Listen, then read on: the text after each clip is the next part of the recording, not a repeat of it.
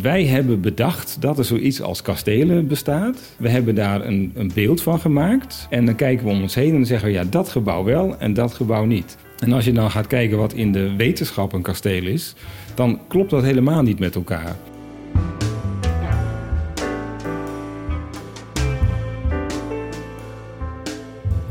Kan dus heel goed zijn dat bepaalde informatie decennia lang al bekend is, maar er is niet een behoefte in de samenleving om daar iets mee te doen. En dan op een bepaald moment verandert er iets en dan herontdekken we een bepaald aspect van het verleden, slavernij of bellen van zuilen. Dit is de podcast van de historische vereniging Oud-Utrecht.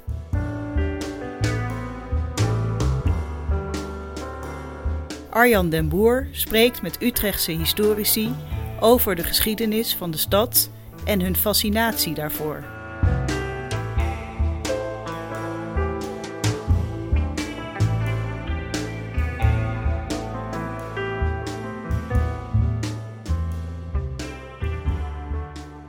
We zijn in het uh, koetshuis van Slot Zuilen uh, aan de Vecht, uh, net buiten Utrecht.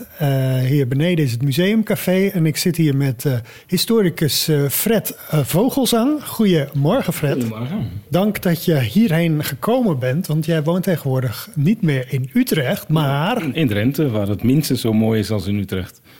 En toch ben je nog zeer actief uh, bij onder andere de Vereniging Oud-Utrecht. Je bent uh, redactielid van het jaarboek, wat ook pas is verschenen. En je publiceert en doet onderzoek uh, ook naar regionale geschiedenis in Utrecht. Dus die band, die blijft gewoon. Ja, tot nu toe wel. Maar ik merk wel dat afstand wat uitmaakt. Want er verandert hier van alles en dat merk ik dan pas later. En ik kom ook niet meer zo vaak in de stad. En dan loop je daar rond en denk je van, hier staat toch iets anders. Hoe was dat nou? En pas als je dus eigenlijk afstand hebt, dan merk je hoeveel er verandert in die korte tijd. Dus ik weet nog niet hoe lang dit gaat duren. Oké, okay, oké. Okay. En ben je nou uh, in Drenthe, zeg maar, ook actief geworden op het gebied van de regionale historie daar? Nee, ik heb wel wat boeken gelezen over de geschiedenis van Drenthe. En het uh, dorp waar ik woon, Anse, heeft een hele lange geschiedenis die ook iets met Utrecht te maken heeft. Want... Hebben we het over het Oversticht, denk ik? Uh, nou, in dit geval ging het over Koevoorde. Dat was een kasteel van de bisschop van Utrecht. En op een gegeven moment had hij ruzie met een van zijn leenmannen. En die werd toen verbannen naar Koevoorde. En uh, daar misdroeg hij zich nogal. En op een gegeven moment werd hij toen uh, gevangen gezet ergens. En dan ging hij vreemd met de dochter des huizes. En daar kwam een kind van, dus toen moest er getrouwd worden. Ja, wat doe je dan met zo'n man? En toen hebben ze hem een lap grond gegeven in Ansen, waar ik woon. En dan hebben ze een soort versterkte boerderij neergezet. En dat is eigenlijk het begin van het dorp waar ik woon. Maar daar kwam je pas achteraf achter, denk ik, niet ja. de reden om daar te gaan wonen. Nee, nee, nee dat klopt. Het was, uh, was een ontdekking achteraf. Maar wat wel ook grappig is, is dat ik ook ontdekte een paar maanden geleden... dat mijn uh, 16e eeuwse familiewortels in de buurt van Ansen liggen. Een kilometer of 15 daar vandaan. Nou, dat heeft zo moeten zijn, denk ik. Uh, we gaan het uh, hebben over uh, het jaarboek en het thema van het jaarboek. Dat is de omgang met geschiedenis. ik zal even toelichten voor de luisteraars. Het jaarboek Oud-Utrecht verschijnt uiteraard elk jaar. Het is nu pas verschenen in het kader van het 100-jarig jubileum van de historische vereniging Oud-Utrecht.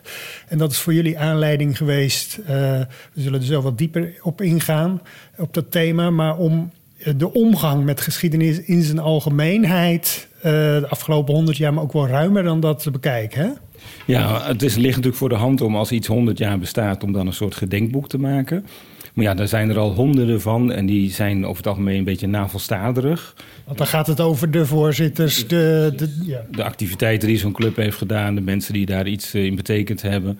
En uh, dat, is, dat is wel aardig als tijdsbeeld natuurlijk, maar ja, wij als jaarboek willen toch ook een soort bijdrage aan de wetenschappelijke kennis van de, over en van Utrecht uh, doen, bieden.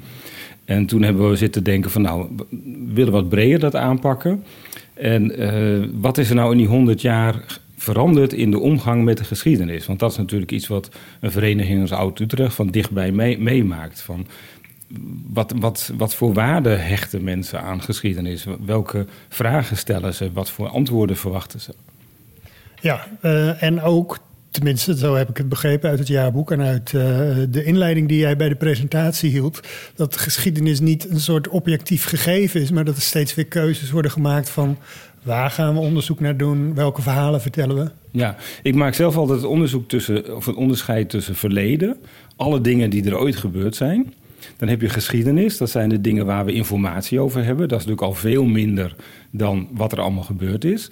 En wij als mensen hebben de neiging om een verhaal te willen vertellen, om een soort causaliteit erin te brengen. Er gebeurde dit en daarna gebeurde er dus dat. Nou, dat, dat kun je nooit bewijzen, maar dat is voor ons om, om het verleden en ons leven te begrijpen heel belangrijk. En um, dat betekent dus ook dat geschiedenis als, als wetenschap antwoord wil geven op vragen van mensen van nu. waarom ziet de wereld eruit zoals die eruit ziet? Wat is er allemaal gebeurd om te veroorzaken dat dit wat ik om me heen zie uh, nu bestaat? Alleen hoe we daarmee omgaan, wat we daarvan willen weten, welke informatie we daarover hebben, dat verandert iedere keer. En eigenlijk hebben we in dit jaarboek willen laten zien op een aantal aspecten van hoe ging men toen en nu om met een bepaald aspect van dat verleden. Ja, dat is een hele. Nou, ik heb hier de, we hebben hier het jaarboek voor ons liggen. De inhoudsopgave is heel breed, gaat alle kanten op bijna. Uh, we zullen er zo een paar uitlichten. En één daarvan is. Uh, de omgang met de Utrechtse kastelen. En daarom hebben we ook hier, uh, hier afgesproken. Hè. We kijken nu uit op, uh, op het toernooiveld en het poortgebouw van Slot Zuilen. We zullen later ook nog wel eens even over het beeld van uh, Slot Zuilen in, in die 100 jaar of in een langere tijd zullen we het gaan hebben. en wat andere van die elementen uit het jaarboek, waar overigens een, een tatoeage voorop staat. Hè? Een getatoeëerde rug. Misschien kun je dat vast even toelichten. Ja, het, het, gaat dan ook om, om bepaalde groepen waarvan je niet verwacht dat ze iets met de geschiedenis van Utrecht hebben.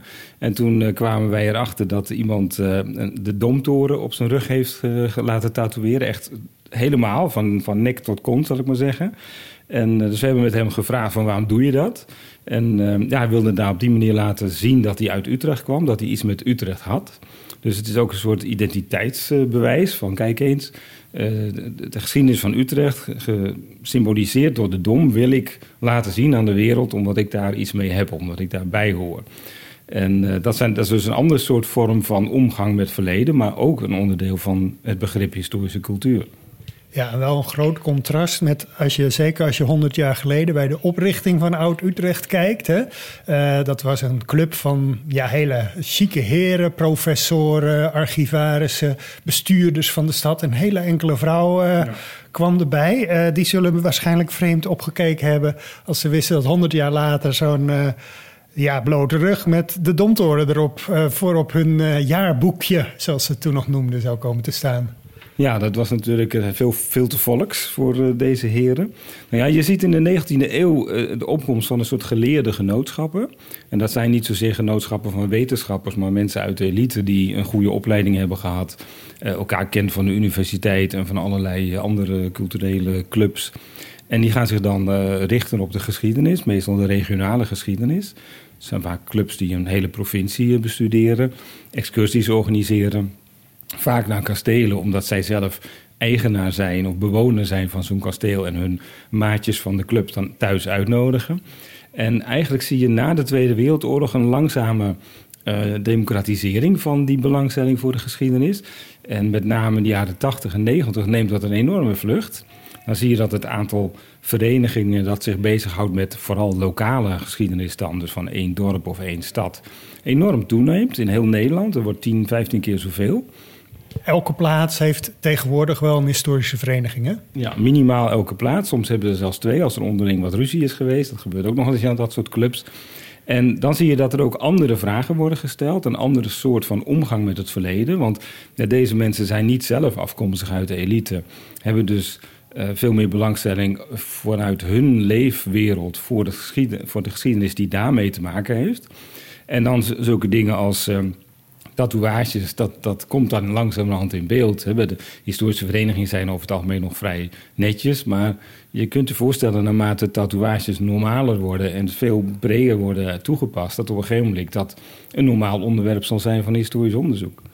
Ja, want ik moet zeggen dat het gehalte aan tatoeages bij de huidige leden en actievelingen bij de vereniging Oud-Utrecht toch nog wel erg, uh, erg laag is. Maar als ik even probeer samen te vatten wat jij net zei over het, ja, het ontstaan eigenlijk van historische verenigingen, dan is de vereniging Oud-Utrecht, die dus in 1923 is opgericht.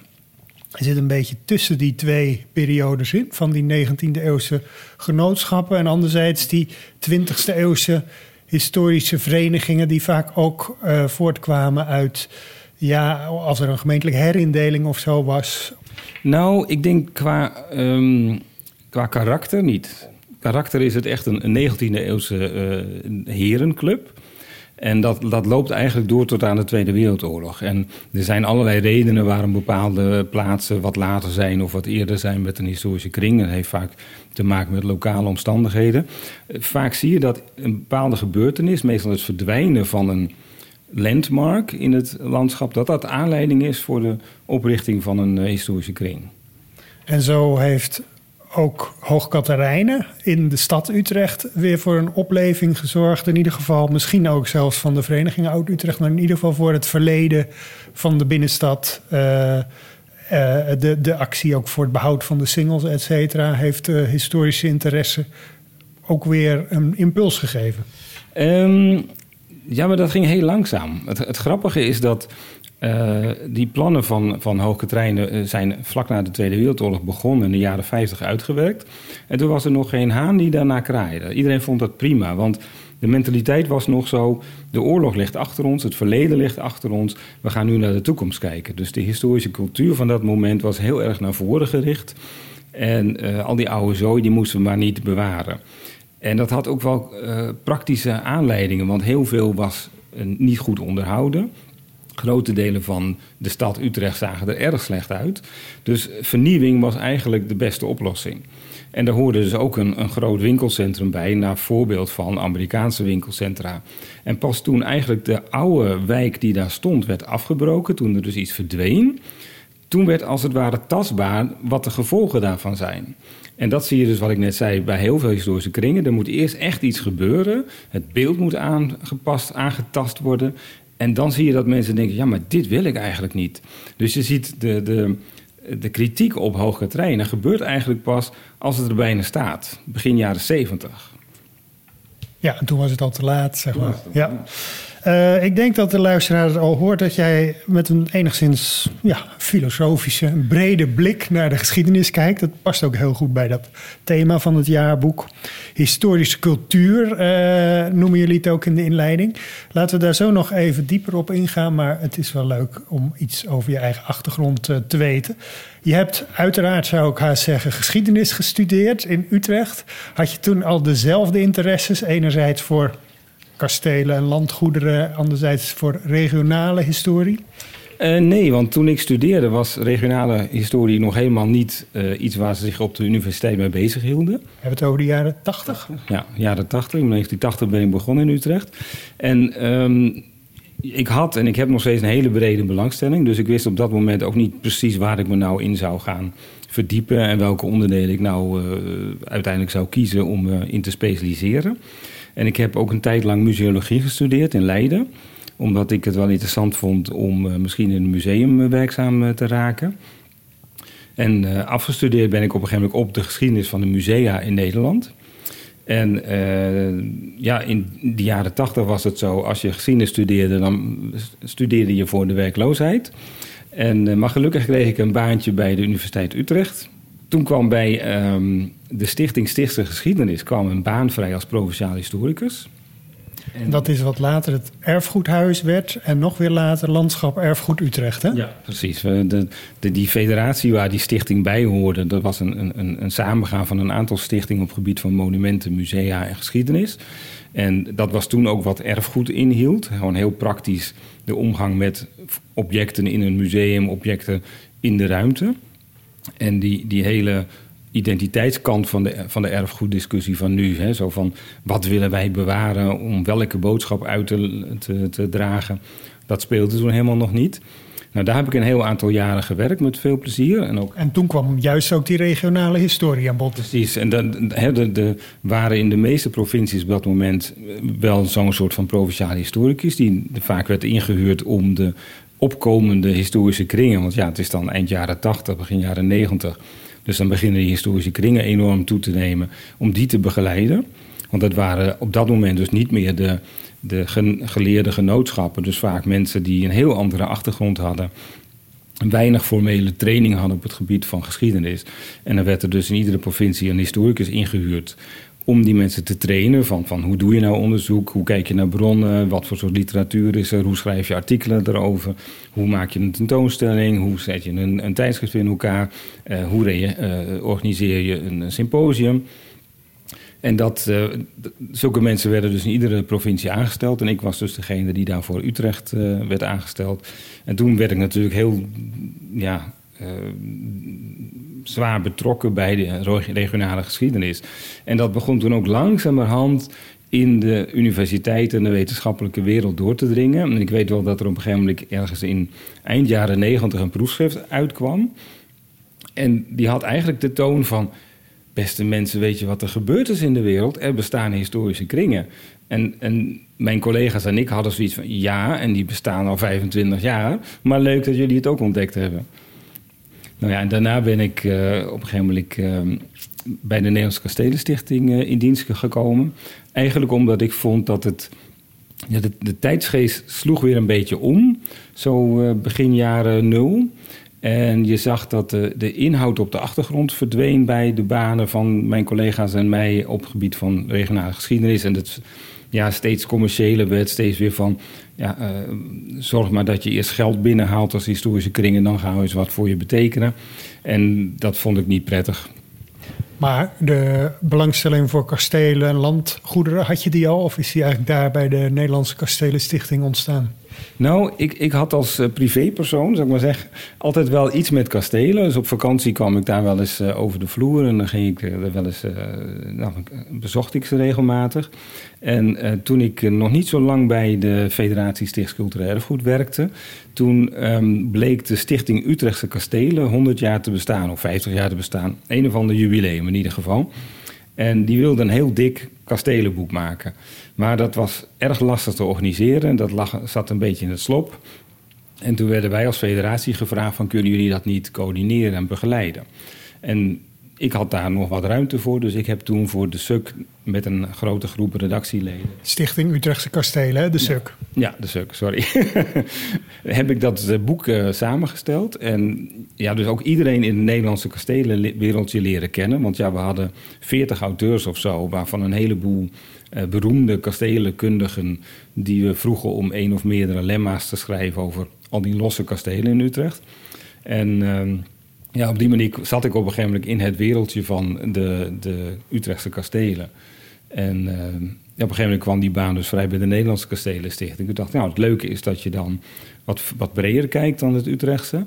En uh, ja, kastelenonderzoek is, heeft heel veel aspecten. Want het is ten eerste natuurlijk van, van tien eeuwen. Maar je hebt sociale aspecten, bouwkundige aspecten... en politieke aspecten en bestuurlijke aspecten. Dus er zit van alles nog wat aan. Dus dat maakt het wel heel interessant om dat een aantal jaren te doen. Ja, en ik geloof dat je als een van de laatste onderzoeksonderwerpen, want je werkt er nu niet meer, dat je over de, de Tweede Wereldoorlog bij de Nederlandse kastelen en buitenplaatsen onderzoek hebt gedaan. Hè? Ja, ja ik had regelmatig uh, studenten over de vloer bij de, bij de Kastelenstichting. En op een gegeven moment had ik iemand die een soort inventarisatie heeft gedaan van wat was nou het gevolg van de Tweede Wereldoorlog voor de Nederlandse kastelen. En toen kwamen we tot de opvallende conclusie dat alle beelden van de middeleeuwen ten spijt, de meeste kastelen in de Tweede Wereldoorlog zijn vernield. En dat er dus eigenlijk een hele uh, belangrijke en niet zo'n positieve periode was. Ja, hier in uh, Slot Zuilen, hier vlakbij, is ook een bom gevallen, maar gelukkig niet, niet op het uh, kasteel. Hè. Het kasteel zelf is er vrij schadeloos afgekomen, de familie niet helemaal. Um, we gaan zo meteen nog wat inzoomen aan de hand van je jaarboekartikel op de beeldvorming rond kastelen de afgelopen eeuw, hè, hoe die veranderd is. Zeker ook hier van uh, Slot Zuilen, waar op een bepaald moment uh, bellen uh, heel belangrijk werd, komen we zo op. Nog even terug naar dat meer abstracte thema. want dat is ook wel iets waar jij je altijd graag mee bezighoudt. Hè? De, de filosofische kant van de geschiedbeoefening. de omgang met het verleden in de afgelopen eeuw. En daarbij gebruiken jullie het begrip historische cultuur. Is dat hetzelfde als de historiografie, wat de geschiedenis van de geschiedenis is? Of bedoel je er toch weer iets anders mee? Um, historiografie heeft eigenlijk twee, ehm, twee kanten. De ene kant is uh, welke historici zijn er bezig geweest met de geschiedenis van een bepaalde streek of onderwerp. En uh, op welke manier werd er naar de geschiedenis gekeken? Dus hoe, hoe werd geschiedenis bestudeerd op een wetenschappelijke manier? En historische cultuur is breder dan dat. Je zou kunnen zeggen dat uh, historiografie meestal de wat wetenschappelijkere kant is, maar er zit natuurlijk ook een populaire kant aan. En uh, bijvoorbeeld films, uh, muziek, ehm, op welke wijze. Tatoeages. Tatoeages. Hè. Nu is bijvoorbeeld heel erg druk bezig die, die, die discussie rondom Napoleon. Er is een nieuwe film over het leven van Napoleon gemaakt. En volgens historici klopt daar historisch weinig van. Maar het effect vaak van dat soort films is dat het publiek dit aanneemt als waarheid. Dus hun beeld van het verleden rondom Napoleon is deze film. En je, je kan dus binnen historische uh, cultuur ook bestuderen van hoe, hoe is de afgelopen eeuw de bepaalde onderdelen van geschiedenis in films in beeld gebracht. Welke, hoe, hoe zorgvuldig probeert men daarin te zijn? In hoeverre zie je de, de, de contemporaine, de, de uit de eigen tijd stammende problemen terugkomen? Je ziet heel veel bijvoorbeeld dat films over de middeleeuwen, dat is altijd over heel veel seks, heel veel eten en heel veel smerigheid. Terwijl onderzoek laat zien dat het allemaal best wel meeviel. En dat er dus een heel ander beeld van de middeleeuwen te maken valt, als je dat wil. En bovendien, middeleeuwen, dat, dat is een periode van duizend jaar. En in ons hoofd is dat één grote blok. En dat kan natuurlijk niet. En je ziet het ook bijvoorbeeld bij verfilmingen van Jane Austen uh, in hoeverre zijn de waardepatronen uit die periode in die film zichtbaar? In hoeverre is het, zijn onze eigen romantische gevoelens geprojecteerd op de hoofdpersonen in zo'n film? Dus, dus dat heeft allemaal met historische cultuur te maken. Dus niet alleen die wetenschappelijke kant, zoals je dat op de universiteit leert of in boeken van historici, maar ook de, de, de dagelijkse omgang, de meer publieksgeschiedenis. Dus de kant van al die uitingen van een museum, een, een, een, tekenfilm, ehm, eh, eh, al dat soort zaken. Asterix en Obelix. We hebben ook een aantal uh, studenten onder leiding van Pieter Huistra van de Universiteit Utrecht hebben ook onderzoek gedaan, hè, wat mede in het jaarboek is verwerkt, juist om ook op die onderdelen van de populaire cultuur om daar naar te kijken. Ja. ja, die hebben bijvoorbeeld gekeken naar Tivoli Vredenburg. Die twee grote instellingen zijn gefuseerd. En die komen uit een heel andere achtergrond, hebben heel andere wortels. En die hebben altijd dus ook een andere geschiedenis. En die geschiedenis vormt hun beeld van de, van de wereld, vormt hun beeld van waarom ze op aarde zijn. De ene groep waren krakers, de andere meer. Uh... De, de, de, de, mensen van, uh, van Beethoven en Mozart. En die moesten bij elkaar. En er, was aanvankelijk ook nog eh, de jazz die er, erbij zou moeten komen. Die hebben natuurlijk weer een heel andere achtergrond. En um, ja, je ziet dan dus in een soort van, van uh, strijd. Uh, de, de, de, de, manier van hoe kunnen we onze eigen identiteit daar nou in kwijt? Hoe gaan wij niet verloren? En uh, dat heeft dus een van de studenten bestudeerd door hele mensen te spreken en bronnen te bekijken. Van, van ja, hoe verandert dat? En wat je dan heel mooi ziet, is dat die grote tegenstellingen uh, langzamerhand wat minder groot worden. Ook al omdat het proces zo lang duurt. Dat in feite de eerste generatie krakers, die is er op een gegeven moment niet meer. En dan komt er een nieuwe generatie. En die hebben een andere achtergrond. En die kijken ook anders naar de wereld. En die zijn ook gewend dat niet alles meer zus kan als het vroeger ging. Dus die zijn ook meer naar elkaar toegegroeid. En dan krijg je toch een soort uh, ontmoeting waardoor een Tivoli Vredenburg kan ontstaan. Maar als je goed oplet hoe het gebouw is ingericht en wat er dan te zien is, dan zie je nog wel de wortels van die twee culturen. Verder uh, heeft een van die studenten ook gekeken naar uh, Anton Geesink, hè, de ja. judoka, die echt een Utrechtse volksheld al heel snel werd. En in de inleiding uh, geven jullie aan dat dat eigenlijk een groot verschil is met Gerrit Rietveld, de architect die nu ook als ja, een boegbeeld van Utrecht wordt gezien. Maar dat dat veel langer heeft geduurd. Uh, hè, dat er mythevorming rond Gerrit Rietveld op gang kwam. Terwijl Anton Geesing gelijk in de harten werd gesloten. Ja, dat, dat klopt. Uh, het is lastig om dat ook te, te, te verklaren. En je ziet, er spelen natuurlijk heel veel dingen daar een, eh, een, rol in. Maar ja, Anton Geesing was natuurlijk A in een tijd dat de massamedia bestonden. Dus zijn overwinning op de Olympische Spelen was te zien. Welk jaar? 62, 64, zoiets. Um, en uh, het was natuurlijk iemand die, die um, ja, bij, niet, niet tot de elite behoorde, dus veel meer mensen aansprak. Hè. De, de, de, de, degene uit de achterbuurt die het tot aan wereldheld maakte. Wijkzee, hè? Was ja, het, uh, ja. En ik denk ook wel dat in die tijd meespeelde dat de elite uh, in, in, de jaren zestig natuurlijk langzamerhand begon te zien dat ze van hun, van hun voetstuk af moesten stappen. En dat er meer ruimte moest komen voor, voor um, de jeugd en voor, modernisering en voor andere groepen in de samenleving.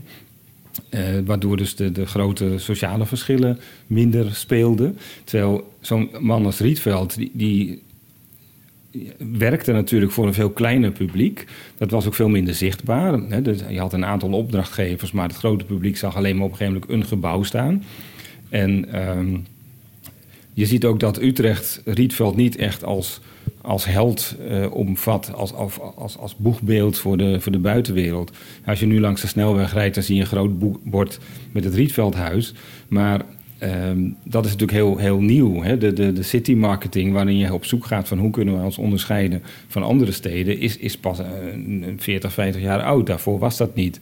En je was ook de mentaliteit er niet na dat je dit soort figuren gebruikte om een held te zijn. Sowieso in Nederland hebben wij niet de grote cultuur van het neerzetten van beelden van helden. Rembrandt misschien sinds de 19e eeuw? Ja, maar in Utrecht hebben we zo iemand niet. En uh, ja, de mensen uit de Utrechtse school uit de 17e eeuw, daar, daar, is geen enkel beeld van te vinden.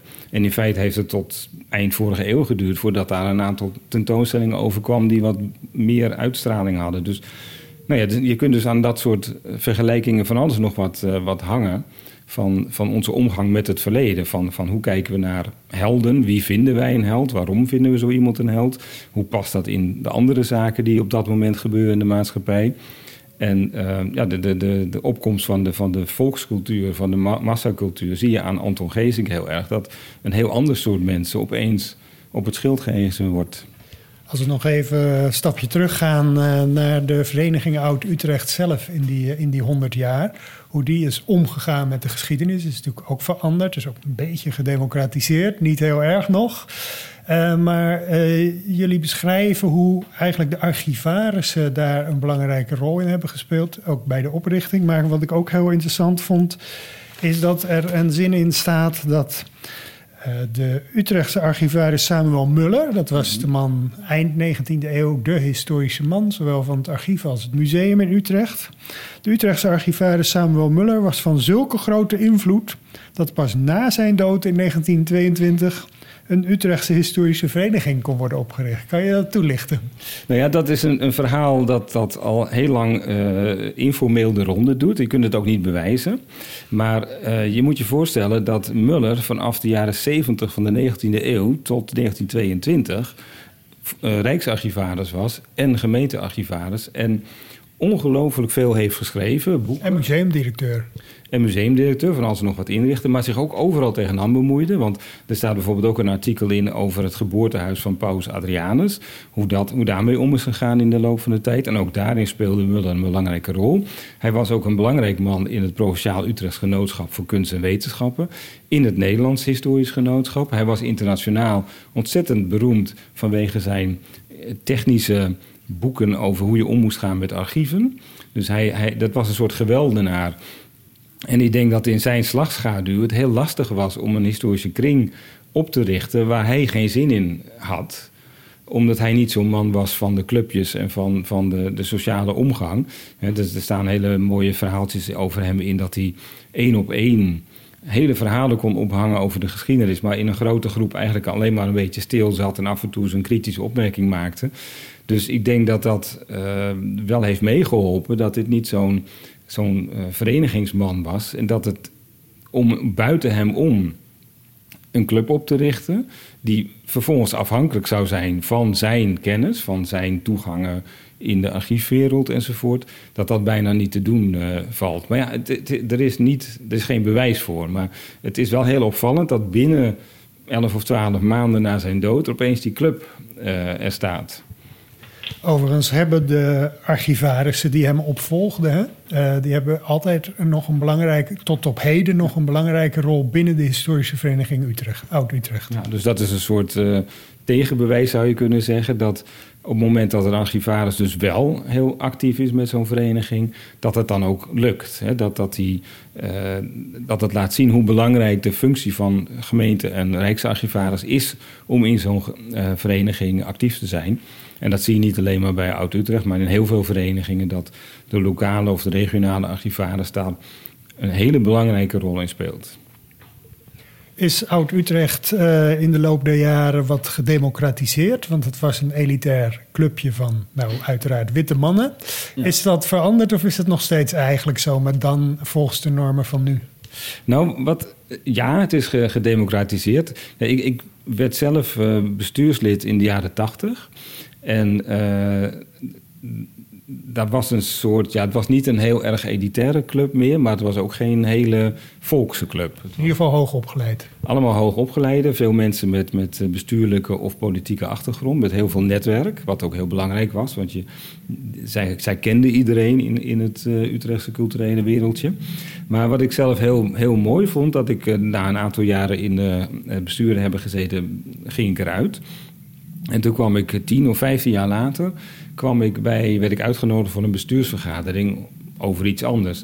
En het waren dus allemaal andere mensen. En niet, niet de opvolgers, maar de, de drie generaties later bestuur. We hebben het nog steeds over de vereniging Oud-Utrecht, hè? Nog steeds over Oud-Utrecht. En de sfeer daarin en de omgangsvormen daarin waren nog precies hetzelfde. Dus blijkbaar heeft een historische vereniging ook een historische cultuur die zo sterk is dat bestuursleden waarschijnlijk onbewust zich aanpassen aan de sfeer, aan hoe dat hoort in die club. En dat, dat dus uh, ja, voortdragen tot in de toekomst. Maar als je ziet naar de onderwerpen waarmee, uh, waarover gepraat wordt, waarover de lezingen worden gehouden, de toon van uh, het tijdschrift, de soorten van excursies, uh, de soort van mensen die nu lid is van de vereniging, is er inderdaad wel een groot verschil met die kleine elitevereniging van de jaren twintig. Kun je een paar voorbeelden geven van die onderwerpen die dus eigenlijk nieuw zijn voor een vereniging als uit Utrecht? Um, het meer sociale, denk ik. Uh, dus niet zozeer het, het, het politiek alleen. Uh, en uh, en je, wat, wat, je ook ziet is dat vroeger zo'n jaarboek bijvoorbeeld heel erg gevuld werd door een klein clubje van mensen die bepaalde hobby's had. En daar dus ieder jaar opnieuw weer een stukje aanbreiden. Terwijl nu... Stokpaardjes. Ja, stokpaardjes. En nu zie je dat, dat natuurlijk een veel breder publiek in, in dit soort, uh, in onze tijdschriften en jaarboeken schrijven. En met ook heel andere onderwerpen dan, dan vroeger. Hè. En natuur is zo'n onderwerp, maar ook uh, over voedsel. Een paar jaar geleden hebben we een, jaarboek uh, geschreven. Nou, dat soort dingen waren natuurlijk ondenkbaar in, in de jaren 40, 50. En je hebt natuurlijk de ontwikkeling van de laatste jaren, waar, waar Oud-Utrecht natuurlijk geen voorloper in is, maar dat er ook wordt gekeken naar koloniale geschiedenis, slavernij. Dat is ook natuurlijk een onderwerp wat de laatste jaren nieuw is. Ja, dat, dat, uh, ja dat, dat, dat ben ik het niet helemaal mee eens. Want als je, als je goed kijkt, dan zie je dat in de jaren tachtig al diverse hoogleraren daar dikke boeken over schreven.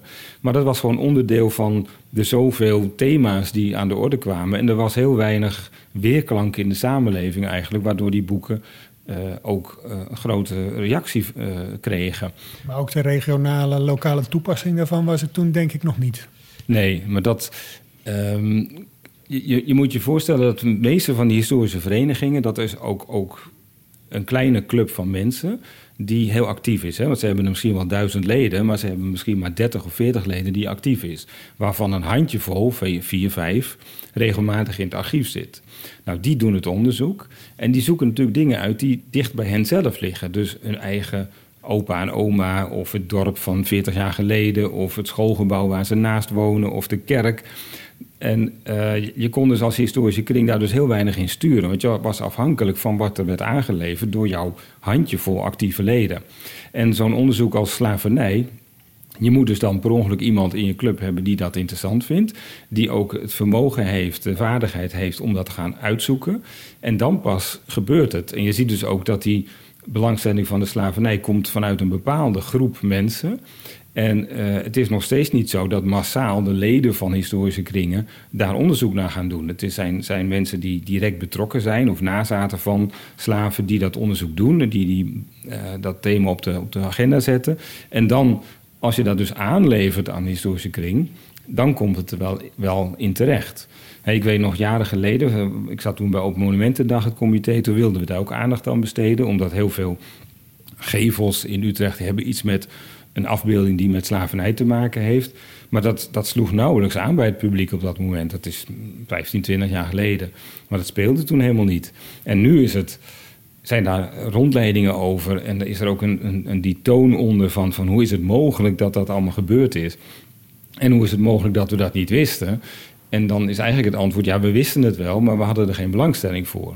Ja, dus dit is ook een heel goed voorbeeld van de omgang met geschiedenis die verandert en ook zijn ja, zijn, ja, mode klinkt misschien te negatief, maar toch zijn, zijn golfbewegingen. Ja. ja, dat is iedere keer dat, dat er komen andere mensen uh, die zich bezig gaan houden met geschiedenis. Je gaan andere vragen stellen of we ontdekken andere bronnen. Opeens wordt er een archief uh, opengesteld en dan denk je van, oh, hé, hey. dat zie je bijvoorbeeld bij Bellen van Zuilen. We zitten hier op slot Zuilen. En Bellen van Zuilen, die heeft hij natuurlijk al die tijd al gewoond. In de jaren 20 van de 20e eeuw was er ook een verleden van slotzuilen met bellen van zuilen. Maar dan merk je daar niks van. We moeten het even, even een stapje uitzoomen. Uh, Slotzuilen, het uh, familiekasteel van de familie van Tuil van Serooskerken. Sinds de 17e eeuw. En een van de leden van de familie was uh, Belle van Zuilen, schrijfster, feministe avant la lettre, om het zo maar te zeggen. Zo wordt ze in ieder geval tegenwoordig uh, gepresenteerd. En uh, wat jij ook in je artikel in het jaarboek beschrijft, is dat uh, Slotzuilen in die afgelopen honderd jaar eerst helemaal nog niet zoveel aandacht aan haar schonk, maar meer aan de middeleeuwse geschiedenis van het slot. En dat pas in de loop van de 20e eeuw Belle van Zuilen steeds aansprekender werd om, om daarop te focussen, ook voor het publiek en de bezoekers. Ja, precies. Het, het grappige is dat, dat uh, voor Belle was hier eigenlijk de heldin Jacobe van Beieren. Waar altijd het verhaal ging dat ze hier uh, een, een, liefdesgeschiedenis met uh, Frank van Borstelen had meegemaakt. Totdat bouwkundige onderzoek liet zien dat op, in haar tijd dit gewoon een ruïne was. Dat dus er absoluut niet te wonen viel. Laat staan dat je hier een romance kon meemaken. Een romance in een ruïne, het kan. Ja, het is wel wat koud en zo, maar goed. Um, maar dan zie je op een gegeven moment dat de, de brieven van Bella worden uitgegeven. Zo net voor de Tweede Wereldoorlog. En worden, die worden ook vertaald. En dan zijn er dus uh, eindelijk toegankelijke bronnen voor bepaalde onderzoekers om te kijken naar het leven van Bella van Zuilen. En dan is er een Amerikaanse schrijfster, of eigenlijk een, een scenario-schrijfster, die in het leven van Belle heel veel van zichzelf herkent. En zij zet Belle dus neer als een soort heldin die zich verzet tegen het, het, het bedompte uh, leven van haar ouders. En ja, het is jaren zestig dan. Dus dat sluit, sluit ontzettend aan bij de jeugd die zich afzet tegen de jaren 50, uh, waarin het allemaal uh, ja, in hun ogen allemaal niet deugde. En dan uh, krijg je eigenlijk dat hier ook langzamerhand wat meer onderzoeken zich met bellen gaan bezighouden. En dan komt er een eerste biografie in het Nederlands uit in de jaren 70. En dan begint dat te komen. Dan zie je opeens dat er een belangstelling is voor bellen, omdat er toegankelijke bronnen zijn. Opeens hebben we ook die informatie. En dan sluit het ook aan. Hè, wat je net zei over die, die feministische invulling. Ja, het is natuurlijk een heel ander soort uh, feminisme dan in de jaren zestig of nu uh, heerst. Maar ja, het was in ieder geval een vrouw die um, een, een, betekenis had. Niet een volgzaam iemand die. die dit was een schrijfster met eigen ideeën over de adel en eigen ideeën over hoe de samenleving in elkaar zat. Dus het past eigenlijk bij de tijdgeest van de jaren 60, 70 om Bellen van Zuilen te gaan herontdekken. Ja, precies. Hè? Dus het, de vragen die de tijd stelt die bepalen wat er onderzocht wordt en welke aspecten daarvan naar voren worden gehaald. En uh, het kan dus heel goed zijn dat bepaalde informatie decennia lang al bekend is, maar het, er, is niet een behoefte in de samenleving om daar iets mee te doen. Dat sluit niet aan bij de leefwereld die op dat moment uh, modern is. En dan gebeurt er dus niks mee. En dan op een bepaald moment verandert er iets en dan herontdekken we een bepaald aspect van het verleden, slavernij of bellen van zuilen. Of in dit geval tegenwoordig de natuur, de geschiedenis van de natuur. We gaan nog even eh, wat verder in op jouw artikel over de historische omgang met kastelen en buitenplaatsen in Utrecht in de 20e eeuw. Zo luidt de ondertitel. De titel van je artikel die, uh, is een beetje highbrow, moet ik zeggen hoor. Die luidt Gezonkenes Kulturgut op zijn Duits. Gezonken cultuurgoed gaat over de omslag van een elitecultuur naar een populaire cultuur. Ja, ik heb uh, toen ik wegging bij de Nederlandse Kastelenstichting een boekje geschreven. En dat heet Waarom kastelen niet bestaan. Prikkelend. en dat, dat heeft heel veel mee te maken met de beeldvorming rondom kastelen. Want als, als je. Uh, ik geef heel vaak cursussen over kastelen. En dan laat ik aan het begin een heleboel plaatjes zien van gebouwen. En dan vraag ik aan het publiek: wat is een kasteel? En dan is heel duidelijk dat ze een bepaald beeld hebben, een heel vast beeld, waarschijnlijk gebaseerd op films televisieseries en uh, schilderijen van wat is nou typisch een kasteel. En als je dan gaat kijken wat in de wetenschap een kasteel is, dan klopt dat helemaal niet met elkaar. En nog grappiger is, als je dan gaat kijken in de middeleeuwen, wat noemden ze toen kasteel? En dan kom je erachter dat ze toen dat woord kasteel bijna niet gebruikten. Dus wij hebben bedacht dat er zoiets als kastelen bestaat. We hebben daar een, een beeld van gemaakt. En dan kijken we om ons heen en dan zeggen we ja, dat gebouw wel en dat gebouw niet. Terwijl historisch gezien je dat helemaal niet kunt bewijzen. Want je zou dan moeten laten zien dat iemand toen, als het ware, zei: Ik ga vandaag een kasteel bouwen. En dat moet er zo en zo uitzien. En dat zijn, heeft deze en deze uh, functies. En dat is helemaal niet zo. Dus wij, wij maken een verleden waarin kastelen dus bestaan. En uh, dat gezonkenes cultuurgoed gaat er dus heel erg over van... Uh, dat populaire beeld van uh, wat kastelen zijn, bepaalt heel erg onze omgang met kastelen. Als het daar niet op lijkt, vinden wij dus niet de moeite waard, want dan is het iets, iets onbekends, iets raars. En in, in dit artikel wil ik laten zien dat um, die kastelen worden heel lang gezien en zijn ook heel lang de, het bezit van de elite. Die woont daar, hè, dat sluit Slot Zuiden in die periode voor, uh, voor 1970. Um, en dat heeft dus niets te maken met het leven van de rest van de samenleving. Dat is gewoon een huis van iemand anders. En dat, zegt niks over mijn geschiedenis, dat zegt niks over mij. Daar ga ik me ook niet mee bezighouden. En ik mag er ook niet in. Dus ik heb er ook niks mee. En um, op een gegeven moment zie je dat, die, uh, dat daar een omslag in komt. Die, die kastelen en buitenplaatsen hebben vaak een enorm park om zich heen.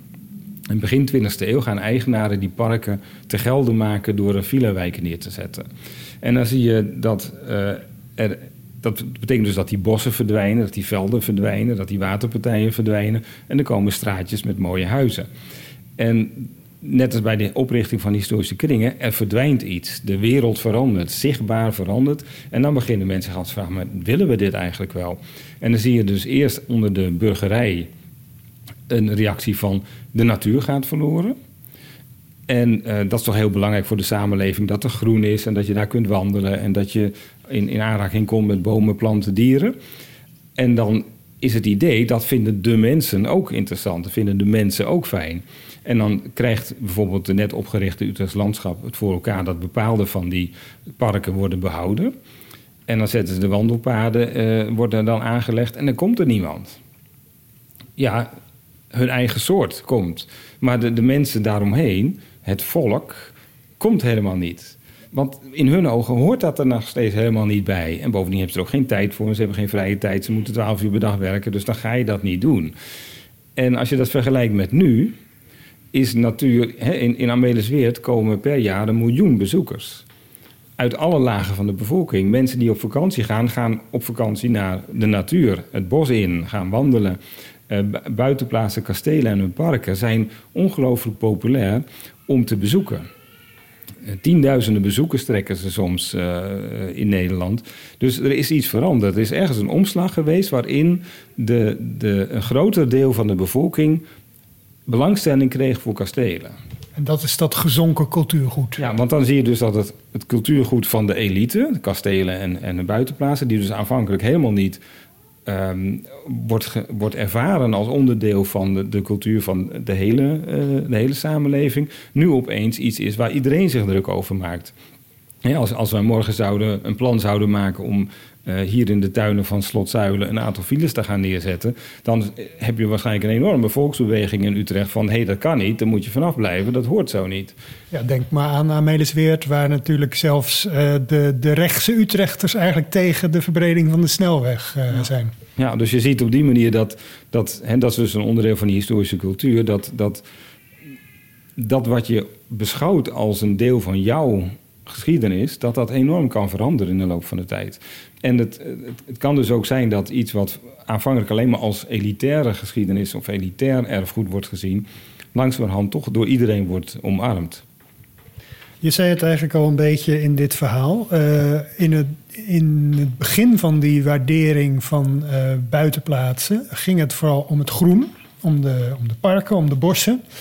En de waardering voor de huizen uh, kwam eigenlijk pas later. En dat kun je ook aan de hand van uh, Amelis Weert vertellen. Hè? Wat op, de, ja. op, een bepaald moment door de gemeente Utrecht in drie delen werd aangekocht. Ja, in Utrecht uh, ziet zichzelf hard groeien na de Eerste Wereldoorlog. En die denkt dus, nou, we hebben ruimte nodig voor meer woningen. En uh, ze, ze, hebben in hun achterhoofd dat zij de gemeente Bunnik wel zullen uh, opnemen. Dat er op een gegeven moment gemeentelijke herindeling zal zijn. En Bunnik wordt dan onderdeel van Utrecht. Want daar valt Amelisweert onder. En, en daar, valt, uh, daar valt Amelisweert onder. Dus dan denken ze van, nou dan maken we alvast een mooi plan... om heel Amelisweert te veranderen in een woonwijk. Maar er is crisis op een gegeven moment, dus er is geen geld voor. En dat verdwijnt dan een beetje, dat plan in de, in de, in de ijskast. En dan op een gegeven moment wordt, gaat het weer wat beter. Dan hebben ze iets van, ja, ja, ja, dat plan ligt er nog wel. Maar we hebben inmiddels gemerkt dat groen heel goed is voor de waarde van huizen. Dus als wij uh, een beetje een betere soort van inwoner willen trekken, dan is het belangrijk dat er veel groen in de omgeving is. Dus in plaats van dat we het, de woonwijken in Amelisweert uh, projecteren, projecteren we ze eromheen. Dus dan wordt Amelisweert een soort stadspark voor allemaal nieuwe woonwijken, waar heel bunnik mee wordt volgeplemd en ook stukken van de beeld en al dat soort dingen. Maar ja, dan gaat op een gegeven moment die gemeentelijke herindeling gaat niet door. En dan zitten ze dus met die inmiddels deels aangekochte groene stukken. Maar wat heel opvallend is, dat in al die plannen uh, er alsmaar gesproken wordt over de natuur. En over de paden, en over de bomen. En alsof het ook wilde natuur is. Hè. Men heeft het idee dat je daar de ongerepte natuur inloopt. Alsof er helemaal geen aanleg is. En als het niet allemaal gewoon uh, mensenwerk is. Maar er staan ook nog een paar huizen. Die worden op dat moment bewoond. Die zijn verhuurd door de eigenaar. En daar zit men een beetje mee in de maag. Van ja, ja die dingen staan er en nu, nu woont er nog iemand. Maar, straks maar met die huizen bedoel je de landhuizen. Hè? Wat wij nu tussen grote aanhalingstekens kastelen noemen. Ja, dus nieuw en oud Amelisweert en Rijnauwen. Nou, in Rijnauwen komt er op een gegeven moment in de jaren 30 een, uh, een jeugdherberg. Dus heeft de gemeente zoiets van, nou ja, oké, okay, dat is voorlopig een mooie uh, oplossing daarvoor. Maar die andere twee huizen, ja ja, wat moeten we daarmee? Ja, poeh. Nou ja, en dan krijg je dus eigenlijk het idee dat, dat ze de mogelijke wijze gaan afbreken, omdat het alleen maar draait om het groen. En dan, uh, omdat er gelukkig die, die huurders er niet uitgaan, blijven ze bewoond. En dan tegen die tijd dat die huurders overleden, zijn we inmiddels in de jaren zeventig. En dan is ook dat idee een beetje omgeslagen, dat dus die huizen ook een betekenis hebben, ook van belang kunnen zijn. En daarom staan ze er nog. Wat je in Nederland heel veel ziet, is dat uh, er op een gegeven moment wel een bewustzijn komt dat kastelen belangrijk zijn, de landhuizen van belang zijn. En dat uh, gemeenten dan denken van ja, het is gevaarlijk als we dat laten opkopen door projectontwikkelaars, want wie weet wat ze ermee gaan doen. Dus wij kopen het zelf maar op. Maar het is eigenlijk een soort defensieve aankoop. Het is niet zo van wij hebben een een, een beeld van wat we ermee gaan doen. Wij hebben een helder beeld van wat het, de rol is van het huis in de lokale samenleving. Maar meer van, ja, het is nou eenmaal iets wat bij onze geschiedenis hoort, dus dat mag niet weg. Dus dan zie je dat heel veel gemeenten dat soort huizen gaan kopen. En dan daarmee in de maag zitten. En Soms wordt het een gemeentehuis. Ja, daar, daar, daar was ik net heen op weg. Want dan, ja, omdat het toch eigenaar, eigendom is van de gemeente, dan kan daar ook wel een gemeentehuis in. En dat heeft dan ook nog wel enige uitstraling. Hè, dan krijgt de, de burgemeester krijgt een mooie kamer. En de, de, de wethouders kunnen vergaderen in een oude eh, salon of in een oude balzaal. Maar ehm, eh, dat ze er heel weinig eh, langdurige bestemming voor hebben, blijkt als bijvoorbeeld gemeenten gaan fuseren. Er zijn in de vechtstreek een aantal gemeentes gefuseerd. Die hadden allemaal een landhuis als gemeentehuis. Met als gevolg dat drie of vier van die gemeentehuizen gewoon leeg staat. En ehm, ze eigenlijk niet goed weten wat ze ermee willen. En dan wordt het soms dan verkocht aan een kantoor eh, of aan een bedrijf. En eh, het probleem daarvan is natuurlijk dat het dan aan allerlei arbo-wetgeving moet voldoen. Dus dan moet het toch verbouwd worden aan de binnenkant. En eh, de buitenkant is meestal wel beschermd. Dus voor het beeld van de langskomende eh, fietser en automobilist is het nog steeds een mooi historisch pand. Maar de binnenkant is natuurlijk helemaal veranderd. Een langdurig besef van wat een kasteel zou kunnen zijn in de, in de lokale samenleving is er vaak niet. En dat komt ook omdat het natuurlijk ontzettend kostbaar is om zo'n gebouw te onderhouden. En eh, heel veel functies dus niet genoeg geld opleveren om dat te kunnen, eh, om, om daarvan te kunnen leven. Ja, en ook de paar Utrechtse kasteelmusea die we hebben, zoals Slot Zuiden, zijn eigenlijk continu aan het schipperen om maar voldoende geld alleen al voor het onderhoud eh, binnen te krijgen. Ja, ja ik, een paar jaar geleden zag ik een, een, een, ehm, een, een- een documentaire over een Engels kasteel. En er werd een kwart van het dak werd vervangen. En dat kost al 14 miljoen. En dat hadden ze nog maar een klein stukje. Ze moesten dus nu al gaan sparen voor het volgende kwart van het dak.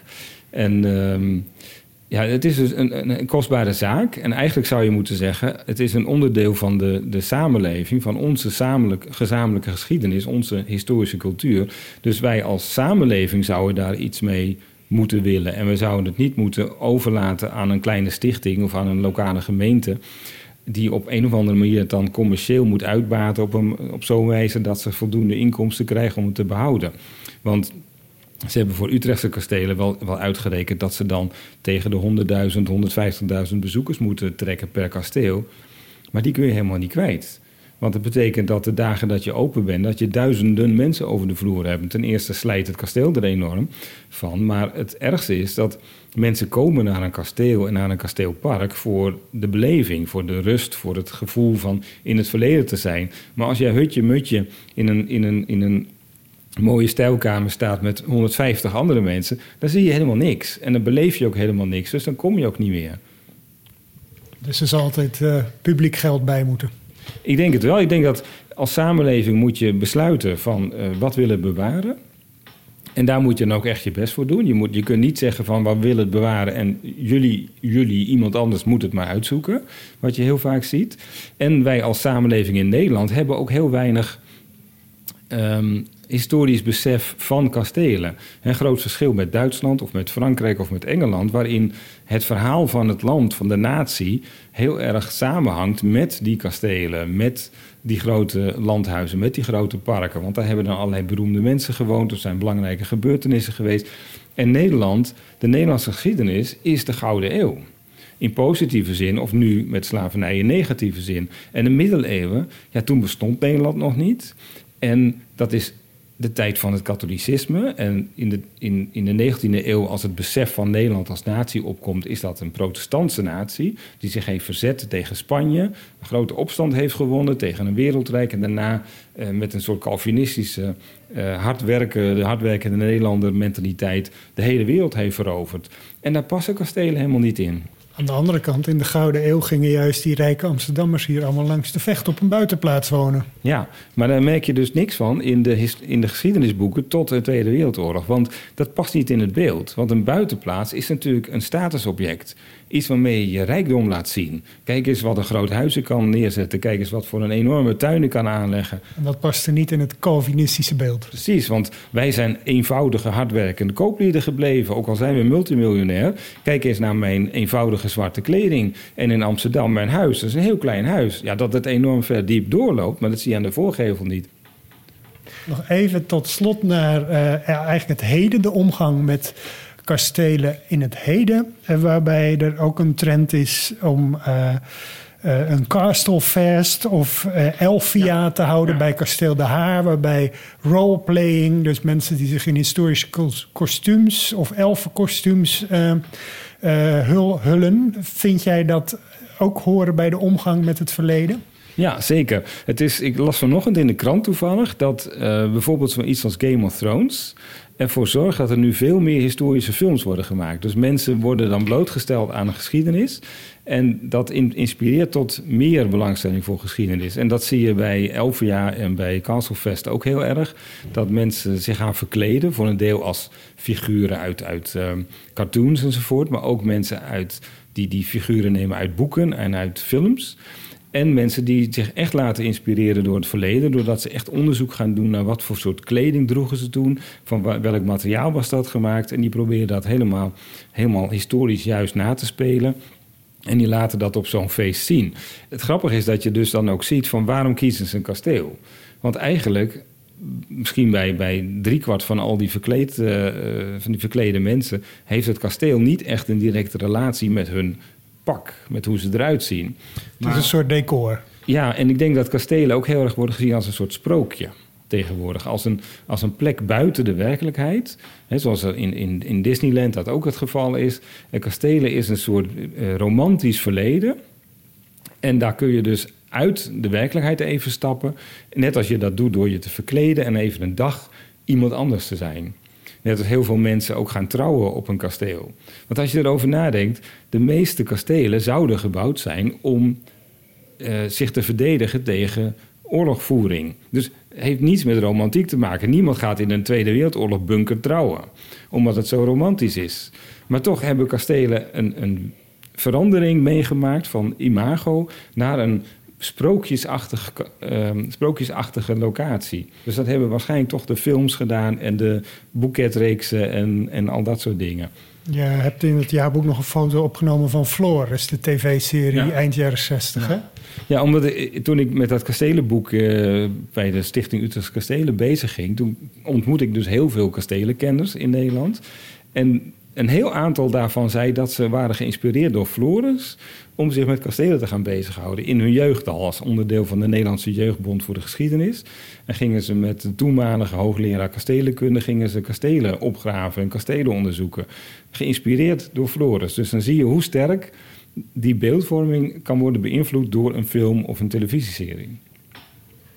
Wie nog eh, veel meer wil lezen over de omgang met het verleden in de afgelopen 100 jaar, kan eh, terecht in het jaarboek uit Utrecht, waar eh, Fred Vogelzang een van de redactieleden van is en een van de auteurs. Het valt in de bus een deze dagen bij de leden van Oud Utrecht en ben je nog geen lid dan moet je dat vooral worden. Want als je dat in december nog wordt, krijg je ook het jaarboek van dit jaar er al gratis bij. Terwijl je pas volgend jaar hoeft te betalen. Geldt ook voor twee nummers van het tijdschrift. Dus uh, luisteraars van de podcast die uh, nog geen lid zijn, dit is het moment.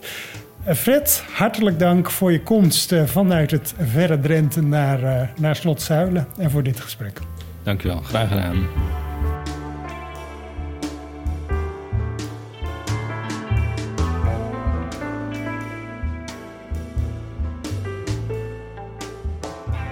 Je hebt geluisterd naar de historische podcast van de Vereniging Oud-Utrecht. Samenstelling Arjan den Boer.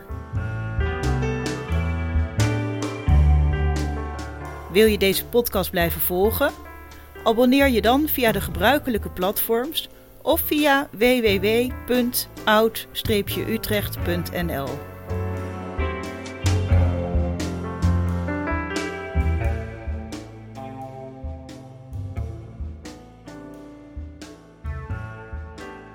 Wil je deze podcast steunen? Word dan lid van de Vereniging Oud Utrecht en je ontvangt ook zes keer per jaar het tijdschrift Oud Utrecht, het jaarboek en de uitnodigingen voor activiteiten. Meer informatie www.oud-utrecht.nl